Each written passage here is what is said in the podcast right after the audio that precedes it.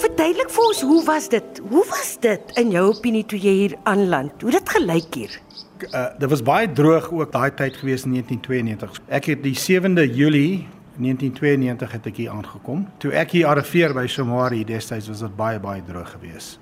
Hulle was daai daai jare ook besig met so 5 of 7 jaar droogte soos hulle soos die boere van praat. En die dag toe ek hier gearriveer het, toe waai daar 'n wind en baie van die ou lande wat nou deel van Somari is, was omgeploeg geweest.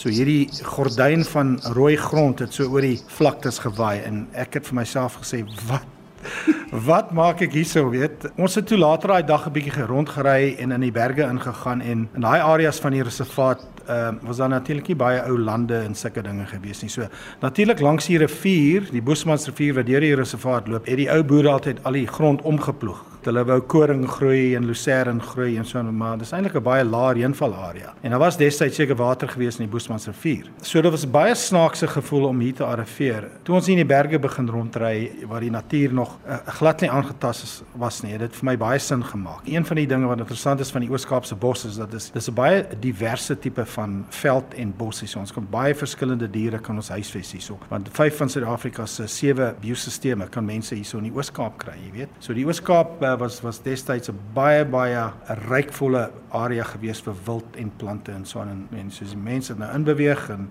meestal van dit verwoes en die hele idee soos die Engelse sê is conserving a vanishing way of life. Dis om alles terug te bring wat destyds hier was. So dis hoe die vroeë jare begin het. En ons het 'n klein bietjie grond gehad en uh, ek was die eerste gidsie gewees.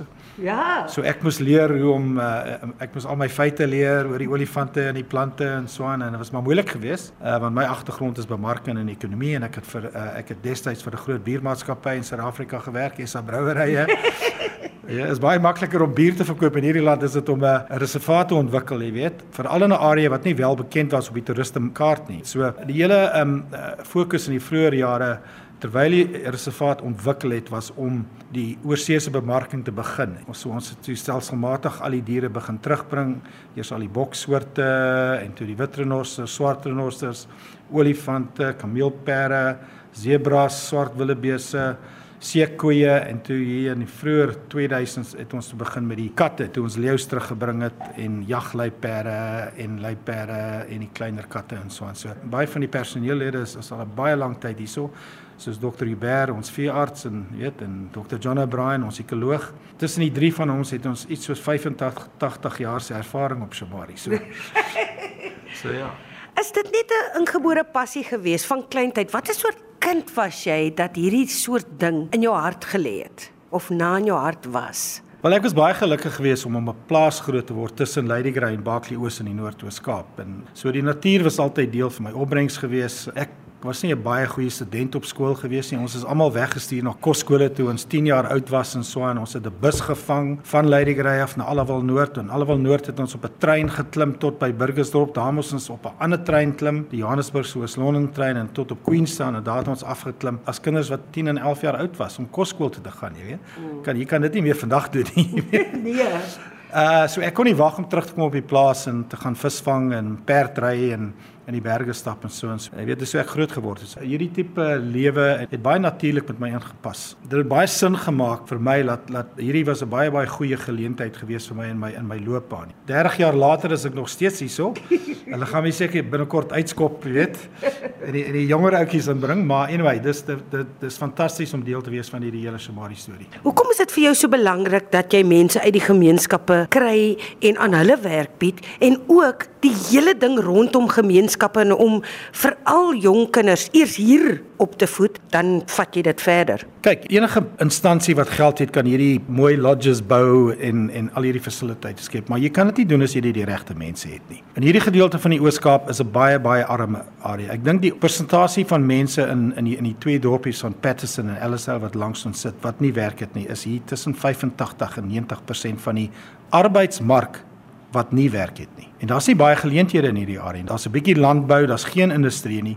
So die toerisme sektor is die een wat die meeste mense in diens neem. En ons as 'n besigheid het 'n verantwoordelikheid om soveel van ons personeellede van die plaaslike gemeenskap in te kry en hulle op te lei dat hulle die ervaring het uh, om te kan doen wat en om die gaste 'n goeie ervaring vir die gaste aan te bied. So ons gaan soek net uh, mense van buitekant af as ons nie daai ehm um, spesifieke uh, spesialiteit nie plaaslik kan kry nie. Jy weet, so ons spandeer baie van ons geld op opleiding, of dit nou op die op die dienskant is of die gidse of die chefs, dit maak nou netlik saak, jy weet, maar is baie belangrik om geld terug in die plaaslike gemeenskap te sit want die mense hierso het geen ander geleentheid nie. 90% van die mense kan nie werk kry nie. Ons spandeer baie van ons geld op uh, op opleiding van die kinders dat die kinders kan leer dat wilde diere moet in die moet in die wild bly dat jy dit nie nie wilde diere in hokke of in sulke dieretuine moet sit. Dit is baie belangrik dat die kinders op 'n baie jong ouderdom leer waaroor gaan bewaring en die hele prentjie laat as hulle ouer word en as hulle volwasse is laat hulle die regte besluite neem. Mm. Veral as dit kom met die stroping van renosterhoring en so aan want hierdie mense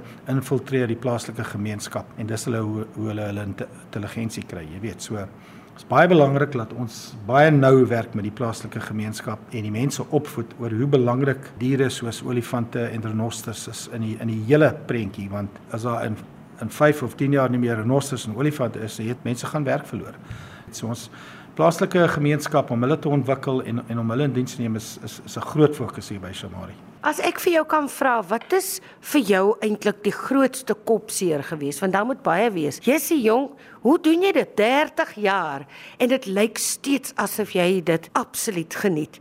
Wat was vir jou regtig 'n groot kopseer en is dalk nog steeds? Die tekort aan water in hierdie area is 'n baie baie groot kopseer. As dit droog word, verander alles in die bos. Dis nou die 8ste jaar van 'n droogte wat ons ervaar. Julle deur hierdie ou riviere gery, daar's geen water in die riviere nie. Oor die afgelope 6, 7 jaar het ons 'n derde van ons jaarlikse gemiddelde reënval gekry. En dit affekteer jou boorgate en sulke dinge ook. Die diere sukkel. En ons het nie 'n alternatiewe uh, waterbron nie. Al wat ons kan hoop, ek meen die die die oorsprong van die van die Boesmansrivier wat deur die reservaat loop en die Visrivier, die naaste plek waar daai twee riviere naby naaste mekaar is, is 17 km apart. So miskien kan ons met ter tyd met die met die departement sit en sien of ons nie water in die Boesmansrivier kan kry nie. Want dit sal ook landbou in hierdie hele area verander as ons water in daai Boesmansrivier kan kry. Jy weet, ons soek net die water vir ons diere. As ons water in daai rivier kan kry, jy weet, as daar genoeg water is, uh van die Gariepdam vloei oor en so aan so. Hier's 'n baie interessante feit vir jou. Waar dink jy kom die water wat ons personeellede in Patterson gebruik? Waar dink jy kom daai water vandaan? Het jy enige idee? Ek ken glad nie die area nie, so ek sal nie weet nie. Waar vandaan kom dit? Van die see af? Nee. Die water wat in die dorpie van Patterson gepomp word, nê, kom van Lesotho af.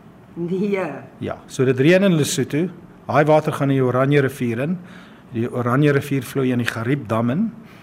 In die Gariepdam is daar 'n tonnel. Hulle praat van die Oranje Visrivier tonnel, iets so 47 km of iets. Die water gaan van die Gariepdam, dan kom dit uit net aan die kant Kraddock in die Visrivier, dan gaan dit met die Visrivier af. Dan gaan dit in 'n reeks kanale en dan eindig dit in die Citrusvallei hier, hier langs ons van Kirkwood in Addo. En van daar af in 'n dam word dit oorgepomp na Patterson toe want die boorgate in Patterson het opgedruk en die pompe is gesteel en so aan. So dis 'n baie baie interessante feit dat die water in hierdie dorpie van Patterson al die pad van Lesotho afkom. Die watertekort en watervoorsiening is vir my een van die grootste uitdagings wat ons het. Ek wil regtig nog feite hê. Waarmee kan jy my nog verras? Wat weet ons nie? Ek sê altyd vir mense dat dis 'n feit wat baie min mense weet van die van die diere wat destyds in die Oos-Kaap was, sien, so as jy nou as jy nou daaraan dink, weet die die buffel noem hulle die Kaapse buffel. Daai buffel is eers in die in die Kaap gesien, in die Oos-Kaap, weet. Is is die buffel vir die eerste keer deur die vroeë mense gesien, jy weet. Die wilhond, net die Engelse, die eerste naam vir die wilhond het die Engelse genoem the Cape hunting dog. Hy's eers in die Oos-Kaap gesien destyds. So hierdie diere was almal hier gewees. Lank voor hulle die Kreer Wildtuin ontdek het en en toe het mense in beweging en en ongelukkig is baie van hierdie diere uh, weet uitgejag en swaan en landbou het begin. Die verskeidenheid van diere wat die was destyds is fantasties. Vyf soos ek gesê het, vyf van Suid-Afrika se sewe uh, biosisteme kry ons hier in die Oos-Kaap. Ons kry proteas hierso. Hier's fynbos hierso. En al hierdie verskillende bostipes en grastipes wat ons het, gee die hierdie area die lisensie om so baie verskillende diere en en en voëls te kan huisves. Wat is jou drome vir hierdie plek? en sy mense. My droom is uh, ons staan so 25000 hektaar, weet. My droom sal wees om om hierdie die die grootte van hierdie reservaat ten minste te verdubbel oor die volgende 5 na 10 jaar as ons kan. Dis seker die belangrikste droom. Die ander droom vir my is dat ons plaaslike gemeenskap dat ons meer mense kan in diens neem, die ervaring van die plaaslike gemeenskappe kan ontwikkel want soos ek sê, hierdie mense in hierdie area het geen alternatiewe keuse van werk nie en ons moet hulle saamvat met ons. En wanneer gaan jy uittreë? As hulle my uitskop.